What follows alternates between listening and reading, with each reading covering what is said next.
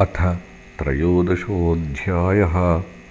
निमिचरितं विदेहवंशश्च श्रीशुक उवाच निमिरिक्ष्वाकुतनयो वसिष्ठमवृतत्विजम् आरभ्यसत्रं सोऽप्याह शक्रेण प्राग्वृतोऽस्मि भोः। तं निर्वर्त्यागमिष्य स्यामि तावन्मां प्रतिपालय।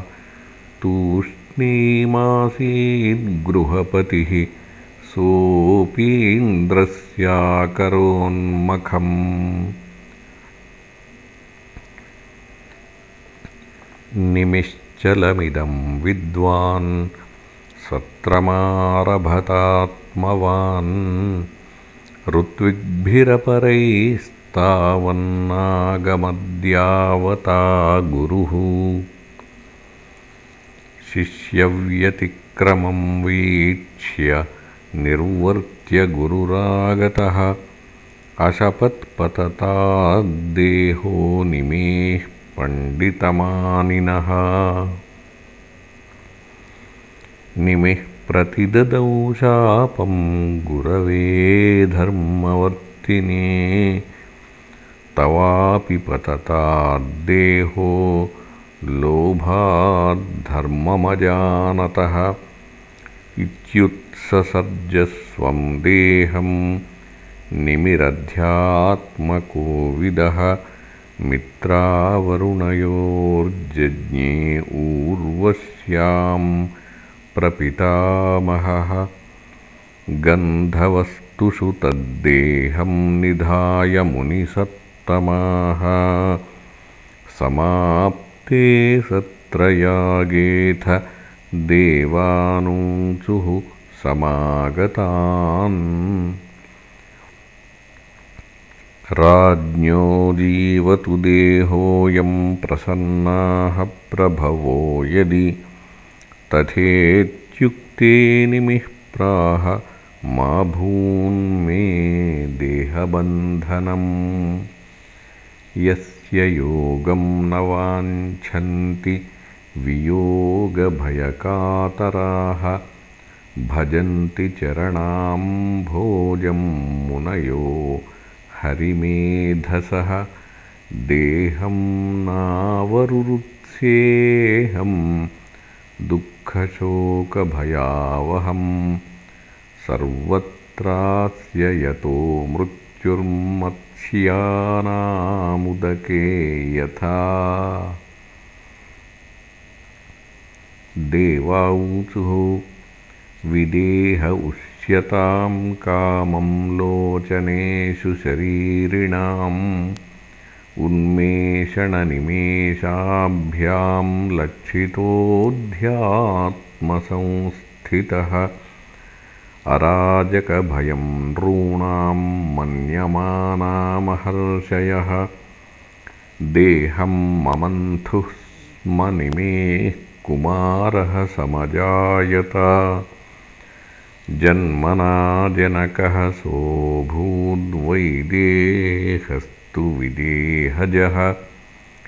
मिथिलो मथनाज्जातो मिथिलायेन निर्मिता। तस्मादुदावसुस्तस्य पुत्रो भून्नन्दिवर्धनः। ततः सुकेतुस्तस्यापि देवरातो महीपते। तस्माद्बृहद्रथस्तस्य महावीर्यः सुधृत् पिता। सुधृतेर्धृष्टकेतुर्वैहर्यस्वोऽथ मरुस्ततः।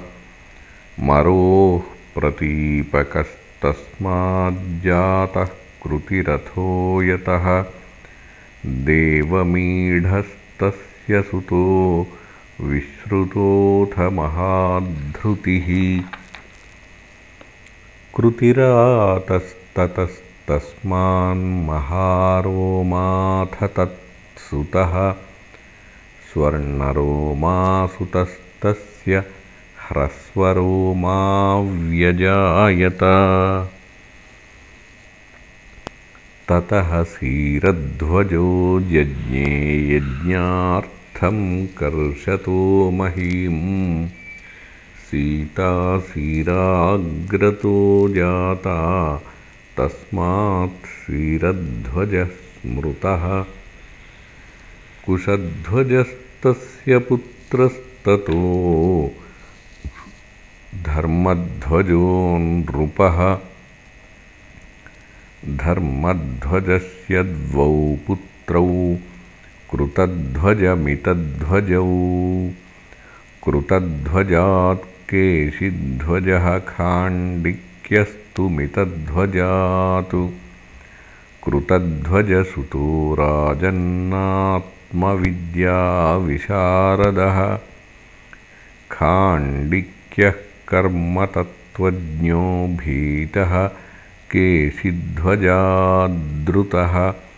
भानुमांस्तस्य पुत्रोऽभूच्छतद्युम्नस्तु तत्सुतः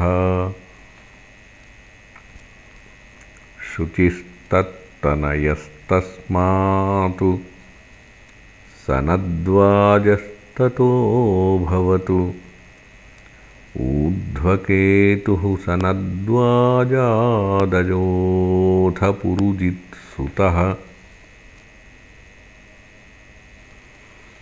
अरिष्टनेमिस्तस्यापि श्रुतायुस्तत्सुपार्श्वकः ततश्चित्ररथो यस्य क्षेमधिर्मिथिलाधिपः। तस्मात् समरथस्तस्य सुतः सत्यरथस्ततः। आसीदुपगुरुस्तस्मादुपगुप्तोऽग्निसम्भवः वस्वनन्तोऽथ तत्पुत्रो युयुधो यत्सुभाषणः। श्रुतस्ततो जयस्तस्माद्विजयोऽस्माद्रुतः सुतः शुनकस्तत्सुतो जज्ञे वीतिहव्योद्धृतिस्ततः। बहुलाश्वोद्धृतेस्तस्य कृतिरस्य महावशी एते वै मैथिलाराजन्नात्मविद्याविशारदाः योगेश्वरप्रसादेन द्वन्द्वैर्मुक्ता गृहेष्वपि इति श्रीमद्भागवते महापुराणे पारमहंस्यां संहितायां नवमस्कन्धे त्रयोदशोऽध्यायः